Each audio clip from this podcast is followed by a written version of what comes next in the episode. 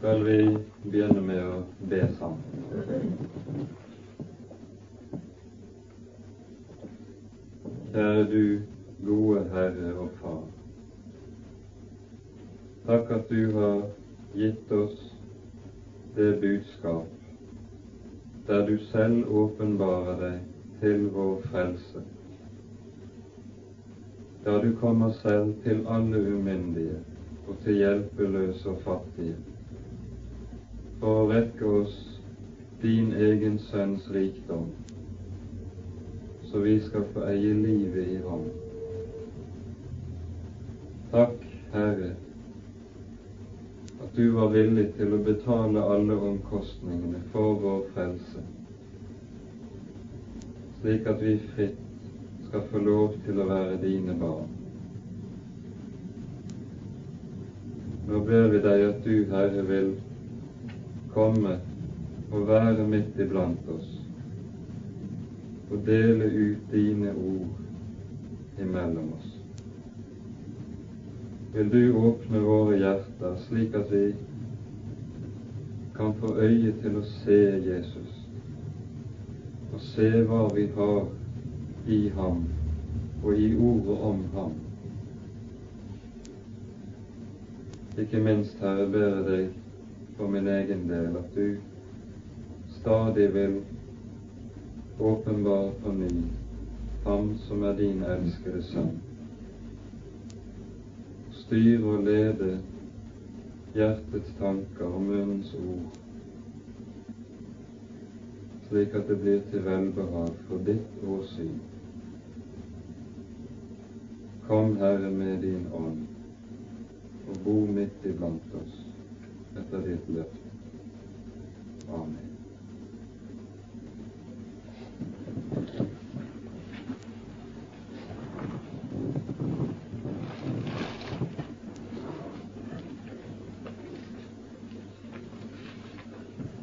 Sist gang var vi altså sammen om hoveddelen i det første kapittelet her i Korinterbrevet, nemlig fra vers 17 av og utover. Og vi så lite grann på dette skillet som vi finner i Guds ord mellom det som kalles korsets teologi og herlighetens teologi. Disse to navnene er det egentlig Martin Luther som er opphavsmann til. Og han brukte disse to begrepene eller uttrykkene for å beskrive hvorledes Han som er vår Herre, Bibelens Gud, åpenbarer seg. At han åpenbarer seg alltid slik her i denne syndige verden slik at vi kjenner ham like som bakfra. Han åpenbarer seg under sin tilsynelatende motsetning, sa vi. Slik at all Guds herlighet, den ser vi skjult på et kors. Guds makt og allmakt ligger gjemt i Jesu avmakt på korset. Og hele Guds frelses fylde ser vi åpenbart der hvor Guds sønn så å si er fortapt. Og her alene, på korset, er det vi møter Han som er den levende Gud. Kun der, ingen andre steder. Der er frelsen, der er det evige liv gjemt. Og nettopp dette middel til frelse som Gud har valgt, det er slik at Gud på den måten har satt alle denne verdens vise, alle denne verdens kloke og mektige ut av spill. Det er det første kapittelet handler om. Og tilsvarende slik Gud Herren åpenbarer sin herlighet gjennom fornedrelsen på korset, så er han også en Gud som åpenbarer seg for de små, de som bor i det lave og som kalles for de fattige i ånden. Den vi leser om fra vers 26 av og utover i kapittelet. Han er ikke en Gud som åpenbarer seg på den måten at vi ser ham i menneskelig suksess, i menneskelig medgang og det som menneskelig talt ser stort og fint ut imellom oss. Tvert om hos de små og de fattige, og i det som ser lavt ut i verden. Der er han med sin frelsesfylde. Og Det tredje vi også så på og delte, var hvorledes dette som heter korsets teologi, også gjelder tjenesten i Guds rike. Gud gjør det ikke slik når Han har en stor oppgave i sitt rike, at Han utvelger et stort og mektig redskap. Tvert om, jo større oppgave Gud legger foran et menneske, jo mindre og skrøpeligere er det redskapet han velger seg. Og slik ser vi at på enhver måte åpenbarer Gud seg i dårskap og i svakhet, slik at en hvilket som helst viktig per i denne verden kan gjøre seg morsom på Guds bekostning. Det er ikke vanskelig. Men der skjult ligger hele Guds nåde og fylde for oss. Og Da tror jeg vi går fra dette inn i kapittel to, hvor Paulus nærmere beskriver hva Guds visdom egentlig er. Og jeg, da jeg kom til dere brødre, kom jeg ikke med mesterskap i tale eller i visdom, og forkynte dere Guds vitnesbyrd. For jeg ville ikke vite av noe iblant dere uten Jesus Kristus og ham korsfestet. Og jeg var hos dere i skrøpelighet og i frykt og i megen beven.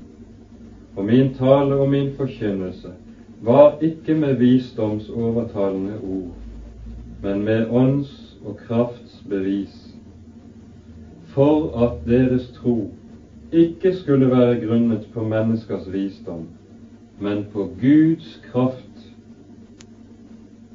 Dog, visdom taler vi iblant de fullkomne, men en visdom som ikke tilhører denne verden, eller denne verdens herrer, de som forgår. Men som en hemmelighet taler vi Guds visdom, den skjulte som Gud fra evighet av har forutbestemt til vår herlighet, den som ingen av denne verdens herrer kjente. For hadde de kjent den, da hadde de ikke korsfestet herlighetens herre. Men som skrevet er, hva øyet ikke så, og øret ikke hørte, og hva ikke oppkom i noe menneskes hjerte, hva Gud har beredt for dem som elsker ham. Men oss har Gud åpenbaret dette ved sin ånd, for Ånden ransaker alle ting, også dybdene i Gud. For hvem iblant mennesker vet hva som bor i mennesket, uten menneskets ånd som er i ham? Således vet heller ingen hva som bor i Gud uten Guds ånd. Men vi har ikke fått verdens ånd. Vi har fått den ånd som er av Gud, for at vi skal kjenne det som er oss gitt av Gud. Det som vi også taler om, ikke med ord som menneskelig visdom lærer, men med ord som Ånden lærer, idet vi tolker åndelige ting med åndelige ord. Men et naturlig menneske tar ikke imot det som hører Guds ånd til, for det er ham en dårskap. Og han kan ikke kjenne det, for det dømmes åndelig. Men den åndelige dømmer alt. Selv dømmes han av ingen. For hvem har kjent Herren sin, så han skulle lære ham, men vi har Kristi sinn.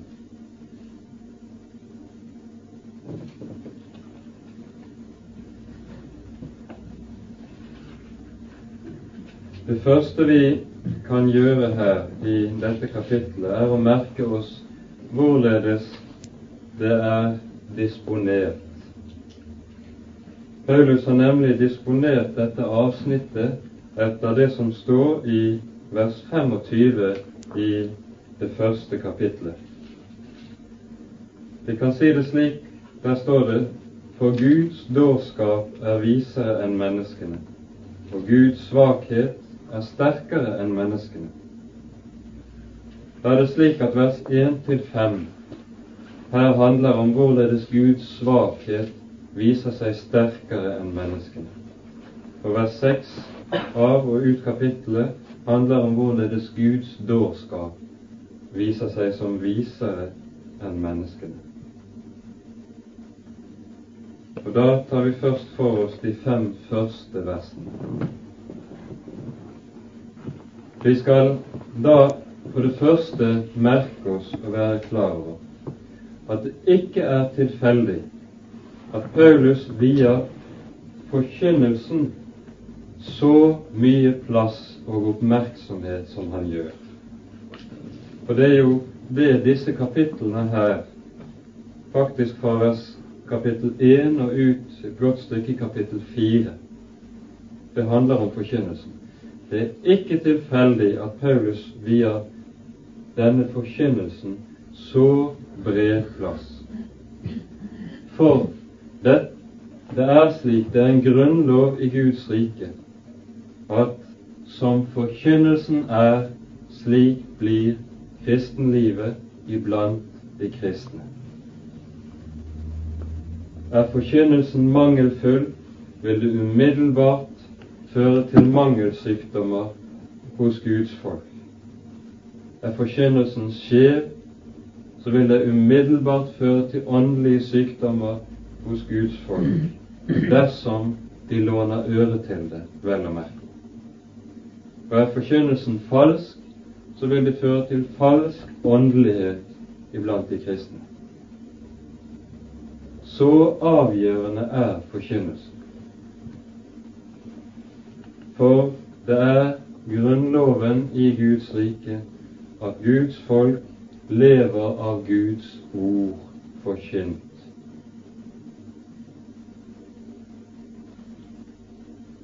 Dernest tror vi også skal legge nøye merke til en annen ting. Når Paulus her taler om korsets ord og korsets dårskap, så skal vi vite og være klar over at dette ord som vi har Gud, i Guds ord i Bibelen, det bærer samme stempel og samme preg som den Herre Jesus selv. Det står om Jesus i hans menneskeliv og under hans lidelse hos Esaias at han hadde ingen skikkelse og ingen herlighet. Han hadde ikke et utseende så vi kunne ha vår lyst i ham. Og det samme gjelder Guds ord. Guds ord er gitt oss i en slik fornedrelsens skikkelse, som Jesus selv er, slik at de kloke og vise i denne verden alltid vil si i møte med Guds ord hva er dette for noe? Å riste på hodet og trekke på skuldrene av det, det er ingenting. Slik bærer dette Guds ord samme skikkelse som Jesus selv, og skal bære det for at det ikke skal bli forfalsket.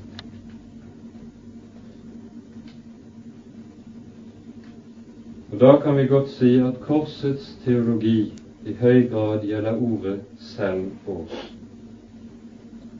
Denne korsets teologi som er et mysterium, som Paulus taler. Den ytrer seg på enhver måte både hos forkynneren og i forkynnelsen.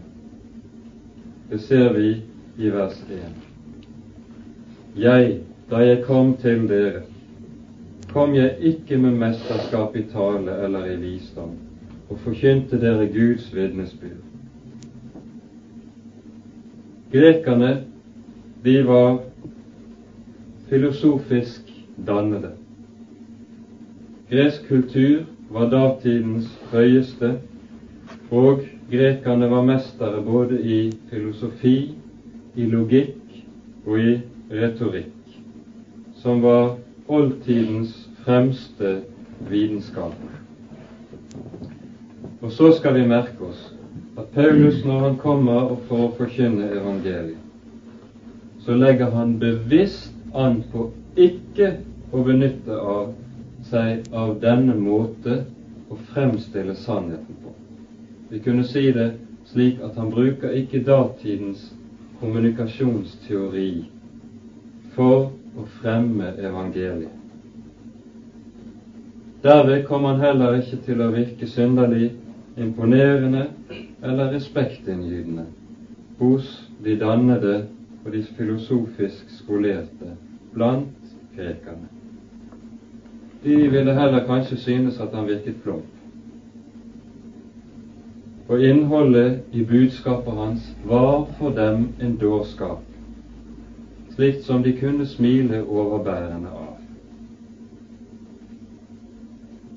Og slik skal vi være oss klart bevisst at Det nye testamentets forkynnelse går ikke folk i møte på den måten at det gir folk det de vil ha, slik at det skulle bli lettere å ta imot budskapet.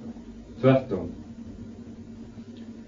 Men så skal vi også merke oss at nettopp dette budskap som for de vise og dannede virket slik frastøtende.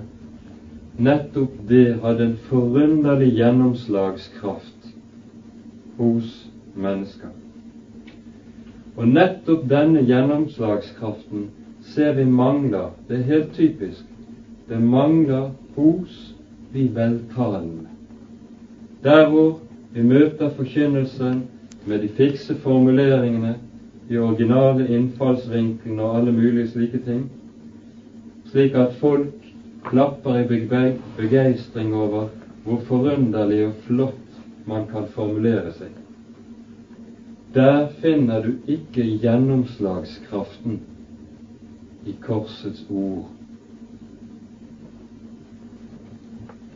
For det det kommer an på i Guds rike, er ikke om det tales godt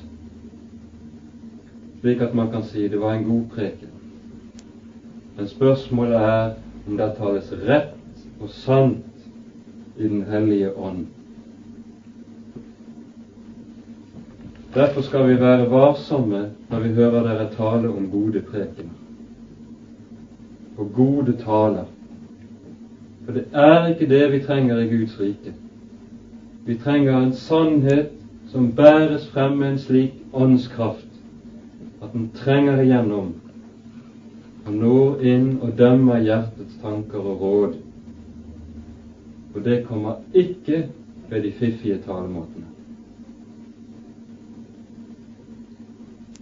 Derfor står det også i det andre, nei, tredje kapittel i andre Korinterbrev at Paulus har som, som uh, program for sin forkynnelse at han sier derfor har vi sagt oss løs fra alle skammelige snikveier eller krokveier.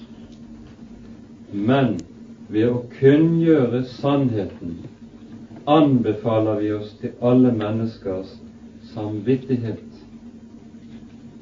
De fiffige formuleringene de når aldri lenger enn til forstand og til hodet. Men når sannheten får lyde med åndskraft, så trenger den igjennom så den rammer samvittigheten. Og det er alltid samvittigheten Gud er på jakt etter når han vil ha menneskene i tale. Og den forkynnelse som ikke har det kjennemerket ved seg at samvittighetene rammes, den mangler nettopp denne åndskraft. Tenk bare på hvorledes det skrives om resultatet av Peters ord på første pinsedag, hvor det står da de hørte dette, stakk det dem i hjertet. Hvor møter vi slikt i dag? Det er det vi trenger, men det er så sjelden. Grunnen til at Paulus nettopp talte på denne måten, det finner vi i vers 2. For, sier han, jeg ville ikke vite av noe iblant dere uten Jesus Kristus og ham korsfestet. Legg merke til det, for her møter vi sammensmeltning av det som vi godt kan si var tema i gårsdagens prekentekst hvor Jesus tar disiplene med seg opp på berget i ensomheten. Og så kunngjør Gud for dem og peker på sin sønn, og så sier han dette er min sønn, den elskede i hvem jeg har velbehag. Han er den eneste i menneskeheten Gud kan ha velbehag i, fordi han er den eneste rettferdige. Hans gjerning er den eneste som teller i Guds øyne. Og så står det etterpå at dette hadde en bestemt frukt for disiplene, nemlig da de så opp, så de ingen uten Jesus alene. Jesus var blitt den eneste også i deres øyne, like som han var i Guds øyne. Og det er nettopp dette Gud arbeider på, den korsfestede Messias som den eneste iblant oss. Dette ord er det som har den virkekraft i seg at det virker til frelse. Hvorfor er det slik? Det henger sammen med selve det innerste i det som skjedde på korset. Det står i Hebreabrevet 9,22, dette kjente verset som vi har vært innom tidligere, at uten at blod blir utgitt, skjer det ikke forlatelse for synd. Derfor måtte Guds sønns blod altså utgytes for at syndene skulle forlates. Hva er det altså som skjer på korset? Guds sønn nagles til treet. Og så står det at han går gjennom himlene for å sprenge sitt blod for Guds åsyn, slik som ypperste presten på forsoningsdagen gikk inn i det aller helligste og sprengte lammets blod for nådestolen, foran nådestolen, som altså symboliserte Guds nærvær. Og så var det en grunnlov i soningens teologi at når blodet rørte ved nådestolen, ble offeret virkekraftig, nemlig så synd kunne forlates. Derfor står det helt konsekvent når dere underviser som ofrene i Det gamle testamentet, at således skal du ofre for at de kan få sine synder forlatt. Merk den følgesetningen. Blodet har altså den virkekraft hos Gud at Gud tilgir synd. Og denne virkekraften som Kristi kors har for Gud og i Guds øyne, den legger Gud selv ned i korsets ord, sånn at det får virkekraft hos dem som hører det, slik at det står at evangeliet er en Guds kraft til frelse for hver den som tror, altså hører og tar imot dette ordet. Så skal vi merke oss at dette er en grunnlov som gjelder når han sier 'Jeg ville ikke vite av noe iblant dere uten Jesus Kristus og ham korsfestet'. Denne loven gjelder ikke bare ved begynnelsen av det kristne liv, som en inngang så du blir frelst, men det gjelder for hele det kristne liv, fra begynnelse til slutt.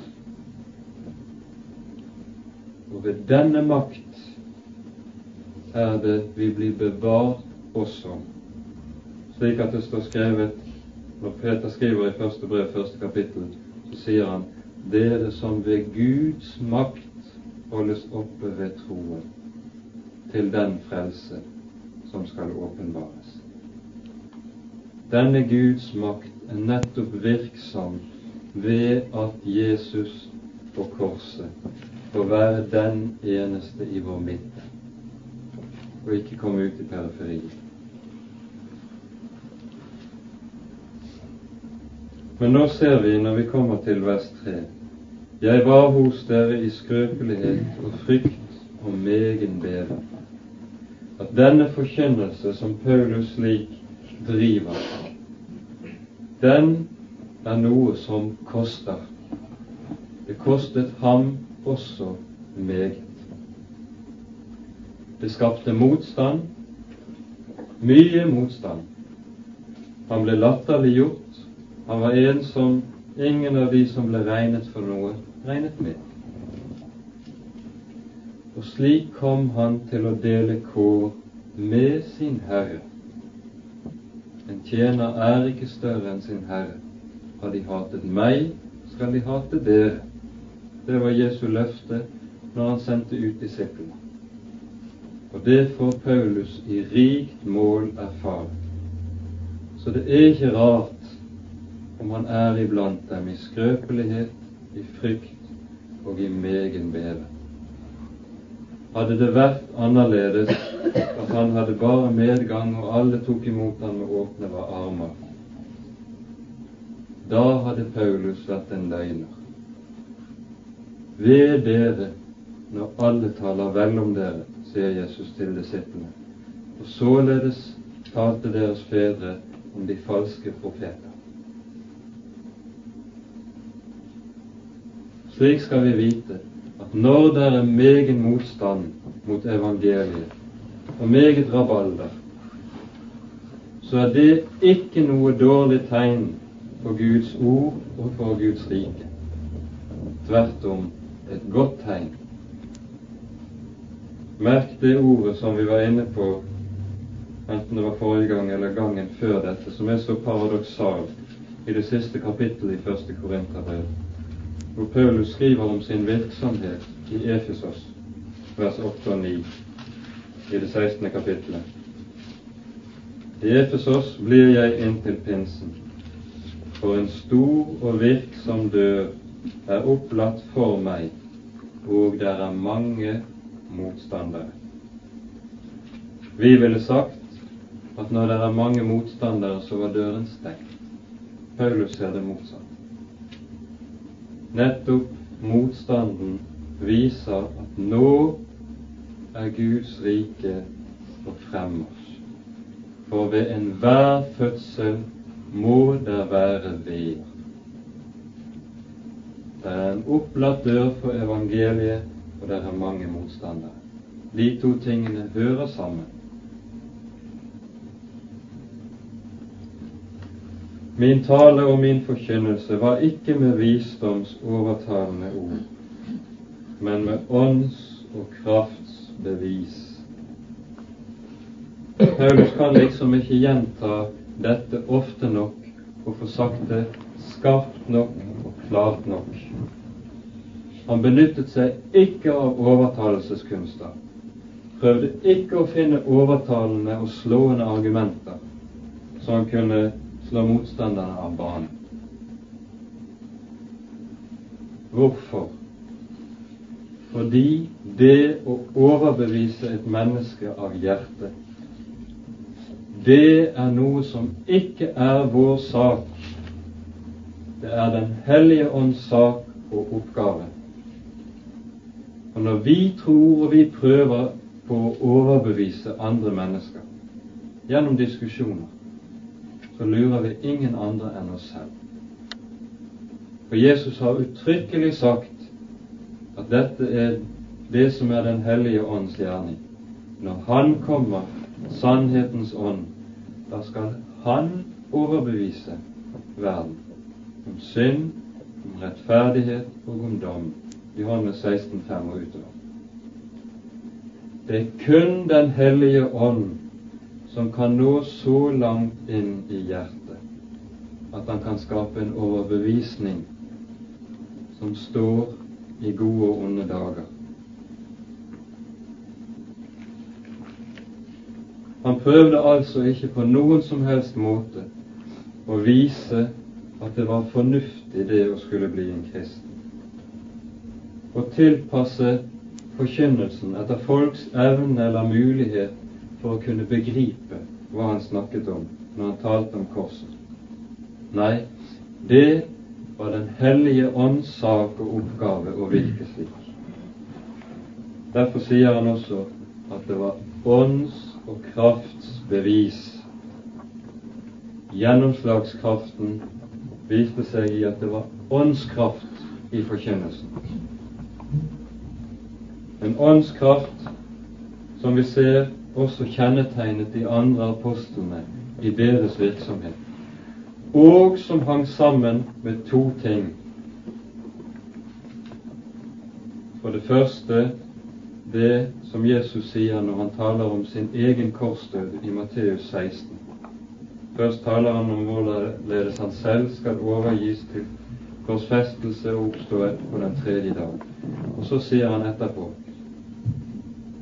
at den som elsker sitt liv, skal miste det.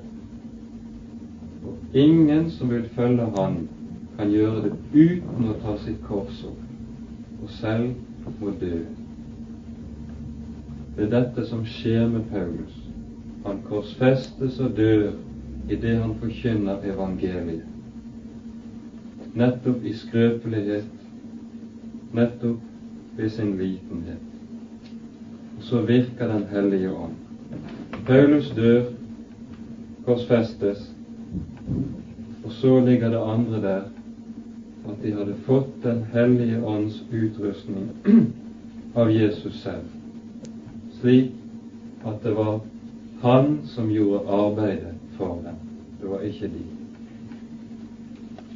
Og så kommer den andre begrunnelsen i vers 5 for at deres tro ikke skulle være grunnet på menneskers visdom, men på Guds kraft. Og legg vel merke til det. Den tro som kommer ovenfra, som er skapt av Gud ved dette ord, den trenger ikke noen hjelp fra noe som helst menneske for å bli stående eller for å bli begripelig eller noe annet slikt. Tenk på det klareste eksempelet på dette har vi hos Abraham, som nettopp er troens, kalles troens far i Det gamle testamentet. Gud sier til ham i det tolvte kapittelet Dra bort fra ditt land, fra ditt folk og fra din fars hus, til det land jeg skal vise deg. Og jeg vil velsigne deg og gjøre din ett stor, og jeg vil gjøre deg til en velsignelse. Og i deg skal alle folkeslag velsignes, sier han. Hva hadde Abraham å støtte troen sin på? Ga Gud ham noen garantier? Nei. Fikk han se noe tegn på at dette virkelig skulle bli innfridd? Nei. Han fikk ingen hjelp slik at det skulle bli lettere for ham å tro det. Men uten å se tok han Gud på ordet og dro av sted. Så vandret han om som fremmed, fortsatt uten å se. Det samme ser vi gjenta seg i sin topp den dagen Abraham av Gud blir satt på den hårdeste av alle sine prøver når han skal ofre Isak. som først og fremst er en prøve på hans tro. Gjør Gud det lett for ham? Nei. Kommer, Gud kommer ikke med én en eneste forklaring som skal gjøre det begripelig for ham, det han må igjennom. Så det skal gjøre det lettere for ham å bestå i prøvelsen og tro at Gud virkelig holder fast på sitt ord. Det er som om Gud legger vind på å gjøre det så vanskelig som mulig for ham å tro. Troen til Abraham får ingen krykker å støtte seg på. Men nettopp slik så viser den seg som en tro som er gitt ovenfra av Gud, og som derfor består ildprøve gjennom ild og gjennom vann. Dersom vi prøver å hjelpe Gud og understøtte troen på noen som helst vis menneskelig talt, så gjør vi troen en bjørnetjeneste. Og vi skal vel også være klar over at det gis en slags tro som er nedenfra og av mennesker, og som stadig trenger slike understøttelser for å holde seg stående. For vel er det når slik tro ramler sammen. Dere husker hvorledes det tales om i innledningen til Johannesevangeliet, om de to slags tro, hvis vi kan si det slik. Alle de som tok imot ham, dem ga han rett til å bli Guds barn, for de er født, ikke av manns vilje, ikke av kjøtt eller av blod, men de er født av Gud. Men så er det altså noe som også er født av mennesker av menneskeverk og av menneskeforstand. Slik tro kommer nedenifra og vil også alltid og stadig vise seg som en tro som ikke bærer i seg verken noe som helst av denne korsets kraft. Det som er født ovenfra, er ovenfra, og det som er født nedenfra, er nedenfra. Dette er en grunnlov som Jesus anvender i Johannesevangeliets tredje kapittel.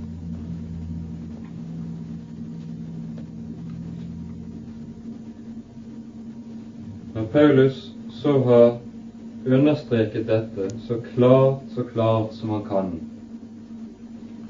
så går han inn i vers 6 og fortsettelsen der og taler om visdommen. At dette korsets ord, det er ikke Det er virkelig den sanne og levende visdom, selv om det mangler godkjennelsen og anerkjennelsen for alle som i denne verden gir seg ut for å være vise. Og her skal vi merke oss at her møter vi en motsetning som vi ser, går klart igjen gjennom hele Bibelen. Motsetningen som vi finner mellom denne verden og mellom Guds rike. Denne verden og denne verdens herrer, det ordet som brukes i grunnteksten for verden, det betyr egentlig tidsalder, eller denne tid. Og da er det altså tale om den tidsalder som avsluttes og når sin ende den dagen Jesus kommer igjen for å avslutte verdenshistorien.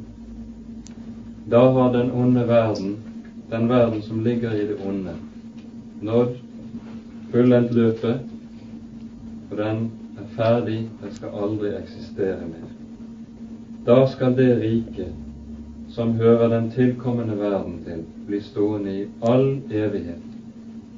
For det er det rike Guds folk tilhører. Og mellom denne verden, denne tidsalder og dette Guds rike foreligger det en kamp på liv og død. Og Jesus sier jo uttrykkelig i møte med Pilatus og under forhøret med ham at hans rike er ikke av denne verden. Når det tales om denne verden, denne verdens rike, så sies det i 1. Johannes brevs 5. kapittel at denne verden ligger i det onde. Og det er underlagt djevelen, som er denne verdens Gud. Og Slik skal vi også merke oss det uttrykket som står her. Denne verdens herrer. Hvem er det tale om da? Da kan det både være tale om for det første de som vi menneskelig talt kaller for herrer. De store og lærde, eller de mektige når det gjelder politikkens område, de som hersker. Slike hører med blant denne verdens herrer. Men bakom disse igjen er det åndsmakter som de synlige mennesker som vi kaller for verdens herrer, bare er redskaper for. Og menneskene i denne verden, de gjør bare disse usynlige makters vilje, fører deres tale og tanker ut. Vi har noen ord om dette i Efeserbrevet i det andre kapittelet.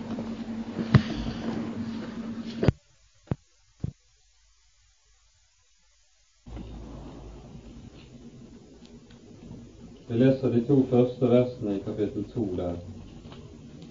Også dere har Han gjort levende, dere som var døde ved deres overtredelser og synder, som dere fordum vandret i etter denne verdens løp, etter høvdingen over luftens makter, den ånd som nå er virksom i vantroens barn. Her er det altså tale om den åndsmakt som står bak og styrer denne verdens løp, denne verdens tanker, det som vi kaller for tidsånden, og som gir seg utslag i alle de ulike slags moteretninger som vi møter her i denne verden. Vi har vært vant til å se på moter som noe som er begrenset til klesveien. Vi skal være klar over at moter det er også noe som i høy grad gjelder tanker, livssyn og åndsstrømninger i verden, og som er bestemt av denne verdens herrer i dette mørket, som det kalles. Derfor blir det å være en kristen i denne sammenheng Det blir ikke å prøve å tilpasse seg denne verden og dens visdom blir ikke å prøve å gå på akkord, men det blir å gå imot strømmen. Når vi av og til hører tale om at vi som kristne må høre, følge med i tiden Nei, følge med tiden, er det riktig å si. Vi skal følge med i tiden og følge med i hva som skjer, men vi skal ikke følge med tiden. Dette er noe av det farligste som vi kan gjøre som kristne, å følge strømmen. Tvert om, er kalt til å gå mot strømmen. Når dere ser på fisk i en elv, så er de fiskene som farer med strømmen, det er den fisken som er død. Levende fisk vil alltid svømme mot strømmen. Og slik er det også med de levende kristne. De vil gå mot strømmen her i denne verden. Dette ser ut til å være en undervisning i Guds ord som nærmest ser ut til å bli glemt i dag. I dag er det om å gjøre å tilpasse seg mest mulig for kristne. Om å gjøre å være mest mulig lik denne verden. Tenke mest mulig som denne verden tenker. Oppføre seg mest mulig som denne verden oppfører seg å adoptere denne verdens livsstil og tankesett.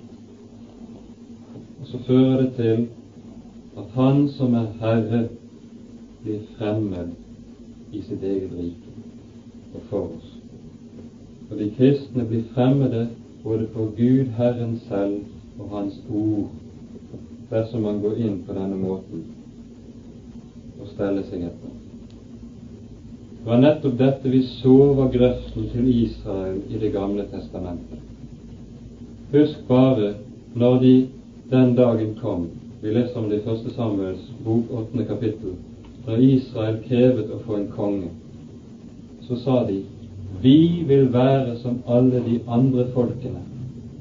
Det var begrunnelsen. Ja, så fikk de lov til å gå sine egne veier, og galt gikk det.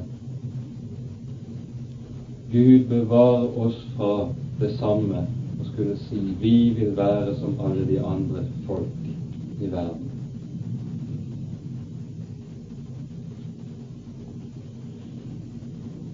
Derfor sier også Paulus i Romerbrevets tolvte kapittel disse ordene som vi alle kjenner. Skikk dere ikke like med denne verden. Men, står det, bli forvandlet ved fornyelsen av deres sinn, så dere kan prøve hva som er Guds vilje, det gode, det velbehagelige og fullkomne. Og her står det klart uttrykt hva forvandlingen har som hovedmål. Forvandlingen skjer i sinnet, ikke i skinnet.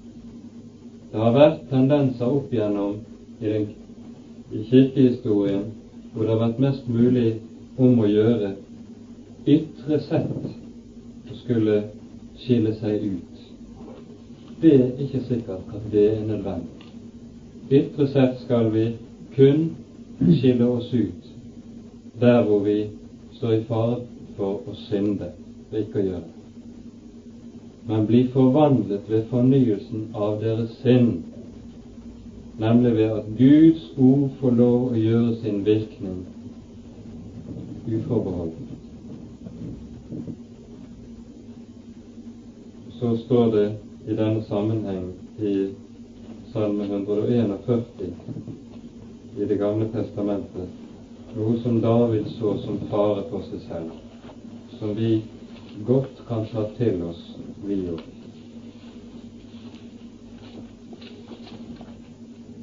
Bøy ikke mitt hjerte 141 vers 4.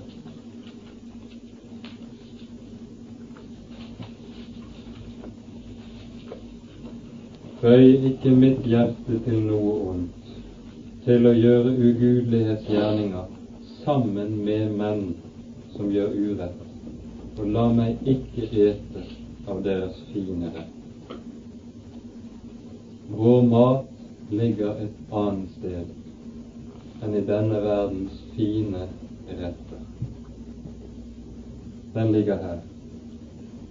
Visdom taler vi blant de fullkomne, men det er en visdom som ikke tilhører denne verden, eller denne verdens herrer, de som forgår.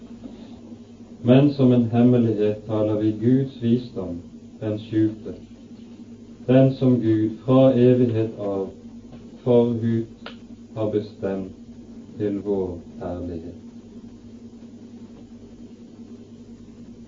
Dette som verden kaller for dårskap, og som korinterne følte anstøtet ved iblant seg selv. Dette er den sanne visdom. Og den kristne vekst og modenhet som Paulus taler om i versene som følger etter nå, den består nettopp i å lære å se visdommen i dette, som er Guds dårskap som verden tar anstøt i, og ikke på barnaktig vis som åndelige og umodne barn tar anstøt slik som verden gjør. Korinternes barnslighet, åndelig talt, som Paulus omtaler i det tredje kapittelet, og som vi kommer til, den gikk nettopp på dette, at de bar i seg og tok noe av det anstøtet som verden også tok av evangeliet og korsord. Som en hemmelighet taler vi Guds visdom, den skjulte, som Gud fra evighet av forut har bestemt til vår her herlighet. Og legg merke til dette. Når det er tale om begrepet hemmelighet i Det nye testamentet, så er det alltid tale om noe som går tilbake til begynnelsen, før verdens grunnvoll ble lagt. De to grunnfaktorene hører alltid sammen. Hemmeligheten, det er Guds råd, som er skjult fra evighet av. Den plan som Gud har skapt hele verden og menneskene med henblikk på.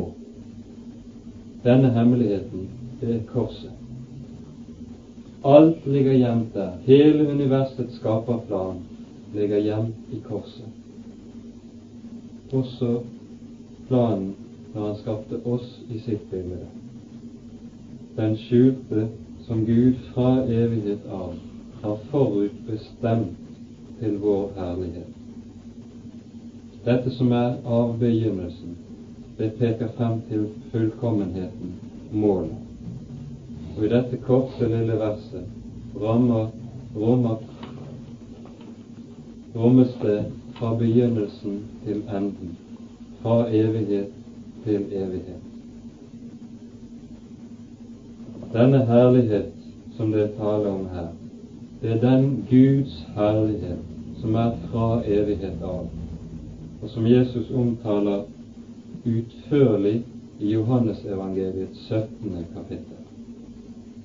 Vi rekker ikke å se mer på det, men der sier Jesus uttrykkelig at Jesus har åpenbaret Faderens herlighet for disiplene det han ga dem de ord han hadde fått fra sin far. Og ved at de hadde tatt imot disse ord, hadde de kjent at det Jesus hadde fått av Faderen, det var gitt ovenifra. Slik åpenbartes herligheten gjennom deres omgang med Jesus, gjennom at de fikk høre Hans ord. Og disse samme ordene som rommer visdommen, som er Guds egen visdom, den er det som skaper herligheten for de kristne. Denne har ingen av denne verdens herrer kjent, står det. For hadde de kjent den, da hadde de ikke korsfestet kjærlighetens herre. Tvert om, i stedet for å kjenne det, denne verdens herre, så har de ytt motstand, kun hatt fiendskap til overs for denne Guds visdom. Og hatet hos denne verdens herrer har alltid ytret seg overfor Guds sønn. Og så skjer altså det forunderlige at når dette hatet når sitt høydepunkt og når sitt mål, at denne verdens herrer tror de får tilintetgjort Han som er Guds sønn, på korset, naglet og slaktet og drept. Da led de nederlag. Nettopp når de trodde at de seiret, da var nederlaget der. Så alt på en måte ble snudd på hodet på forunderlig vis, slik at det står at han avvæpnet maktene og myndighetene i det han viste seg som seierherre over dem på korset. Hadde de visst at dette betød deres endelige nederlag, da hadde de sannelig ikke korsfestet herlighetens herre. Men slik er Guds visdom og så står det hva det er som er de kristnes tale. Det som vers 9 er avslutningen på, begynner i vers 6. Der står det 'visdom taler vi blant de fullkomne', står det. Som skrevet er hva øyet ikke så, og øret ikke hørte, og hva ikke oppkom i noe menneskes hjerte hva Gud har beredt for dem som elsker ham. Det er det de kristne taler om. Denne Guds visdom som renner fra korsets ord som fra en kilde. Det omkvedet, og det har som sitt kjennemerke at det ikke er fra mennesker.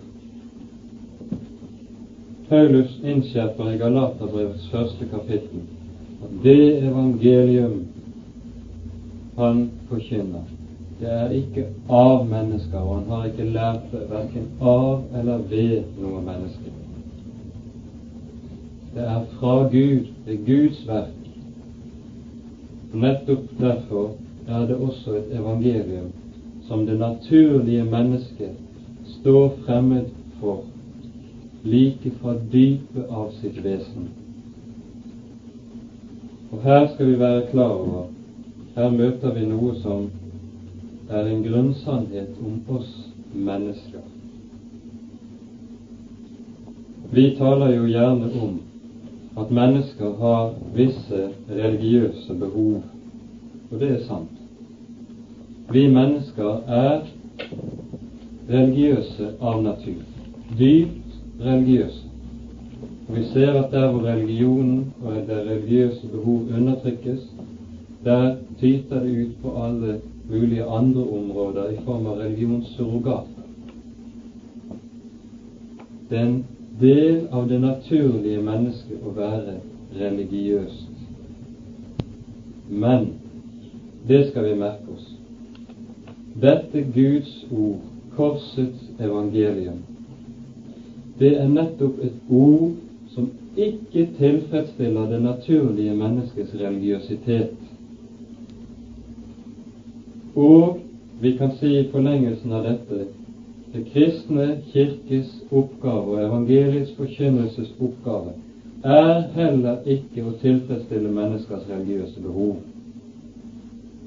For det naturlige menneskets religiøsitet, det er nettopp kjennetegnet av fiendskap mot evangeliet. Det naturlige menneskets religiøsitet har nettopp som kjennetegn selvrettferdigheten. Det er født av mennesker, skapt av mennesker. Det kommer ikke ovenfra. Og nettopp derfor er det det som er aller mest fiendtlig overfor evangeliet. Og dette kan vi se i Norge i dag. Og like som vi ser det i Bibelen, på Jesu tider til alle tider. At de som er mest fiendtlig sinnet overfor Jesus og evangeliet, det er de religiøse mennesker. Vi finner dem i kirker, og vi finner dem på bedehus. På Jesu tid var de i synagogene, de besatt lærestolene, men fiendskapet mot Jesus var like sterkt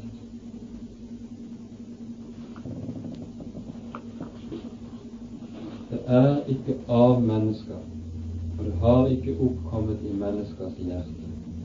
Det er oppkommet ifra Guds hjerte, og fra evighet av har Gud berett dette nettopp for dem som elsker dette evangelium på tross av seg selv, så å si på egen bekostning. Det å følge Jesus er ensbetydende med å få sin naturlige religiøsitet korsfestet.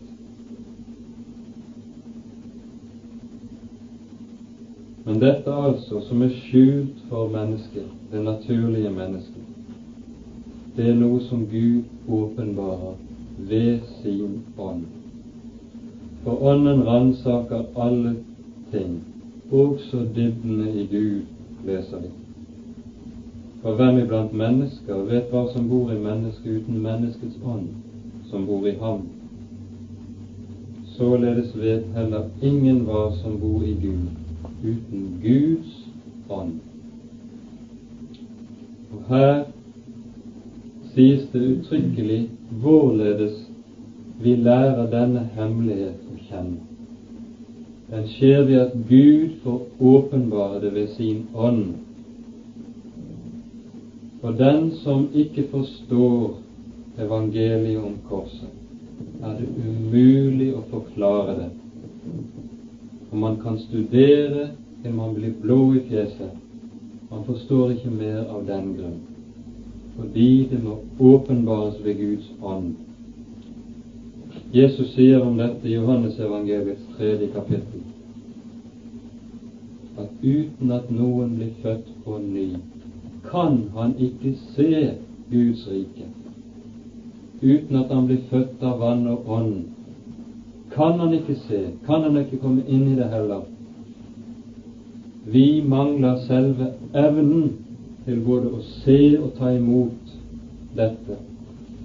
Det er intet tilknytningspunkt i det gamle mennesket for korsets ord i evangeliet. Derfor må Gud nettopp få åpenbare det ved sin ånd. Og det er det Den hellige ånd gjør.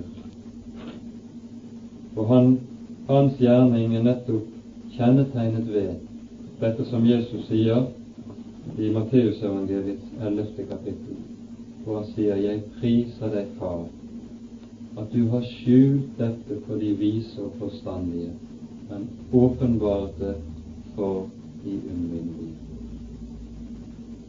De umyndige, de som er lik barn. Og dette er noe, det skal vi være klar over, som Jesus sier i uttrykkelig motsetning til noe som var en tese, en grunnsetning hos fariseerne. De sa nemlig at den ulærde kan ikke være from. Altså det krevdes et visst minstemål av utdannelse, teologisk lærdom, så å si, for å kunne få del i helligheten. For å kunne se Gud og kjenne til Guds rike. Slik er det ikke, sier Jesus. Det er motsatt. Det åpenbares ikke for de vise, men for de umyndige. De som vet at de er mer eller mindre uklart selvfølgelig, men allikevel er lik barn. De er det som har fått, sånn som det står i vers 12, vi har ikke fått verdens ånd, vi har fått den ånd som er av Gud, for at, merk det, vi skal kjenne det som er oss gitt av Gud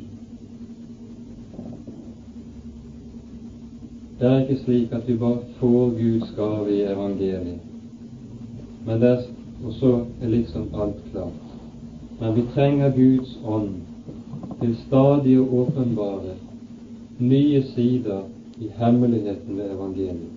Vi skal kjenne det som er oss gitt av nåde. Og det kan bare kjennes på de premissene at Den hellige ånd gis til meg som umyndig ikke som myndig. Det som vi også taler om, ikke med ord som menneskelig visdom lærer, men med ord som Ånden lærer, i det vi tolker åndelige ting med åndelige ord. Dette lærer disse som er umyndige, et nytt språk. Noen kaller det for kananspråk, men det er lært av Guds egen hellige ånd.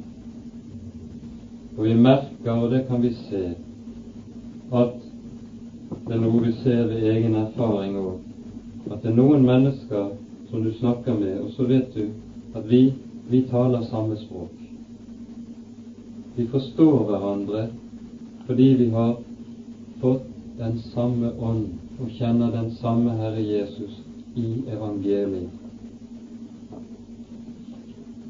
Så er det andre som kanskje bruker de samme ordene, har de rette teologiske begrepene og taler rikelig om kristendommen.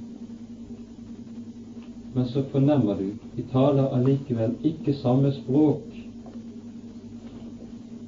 Bak dette ligger nettopp her her har Guds hellige ånd ikke fått komme og lukke opp ord om korset for en umyndig. Og så må det bli ulike språk, selv om man bruker tilsynelatende like ord. Et naturlig menneske tar ikke imot det som hører Guds ånd til. For det er ham en dårskap, og han kan ikke kjenne det. Her tenker jeg vi nærmer oss avslutningen i dag. Her har vi det som er grunnsannheten om oss som mennesker i Bibelen når det gjelder vår mulighet for og evne til å erkjenne evangeliet og det som hører Guds rike til. Vi mennesker har overhodet ikke greie på verken Gud eller Hans rike eller det som kalles for kristendom. Vi har heller ikke forutsetning for det i oss fra naturens side. Og fra den dagen av hvor det var to som åt av kunnskapens tre, så har vi hatt rikelig med det som sier seg, med mennesket skal altså sier seg at vi har kunnskap om godt og ondt, og som altså ikke behøver å høre på Gud for det. Ja, dette naturlige mennesket som mener om seg selv å ha evne til å skjelne mellom godt og ondt. Det har overhodet ingen evne til eller mulighet til å lære ham å kjenne. Det må fødes på ny. Så må det skapes et nytt menneske. Og det er det som skjer ved dette ord, evangeliet om korset, som er gitt til Gud. Og det er det som Paulus dreier om hele tiden. Født på ny ser man dette riket, som er skjult for de vise og forstandige. Født på ny åpenbar Guds ånd, Hans gave, herligheten som er fra verdens grunnvoll ble lagt. Født på ny begynner man å se storheten i dette, som alle andre trekker på skuldrene av som om det ingenting var. Vi har den ånd som er av Gud, for at vi skal kjenne det som er oss gitt av Gud. Der tror jeg vi danser for i dag.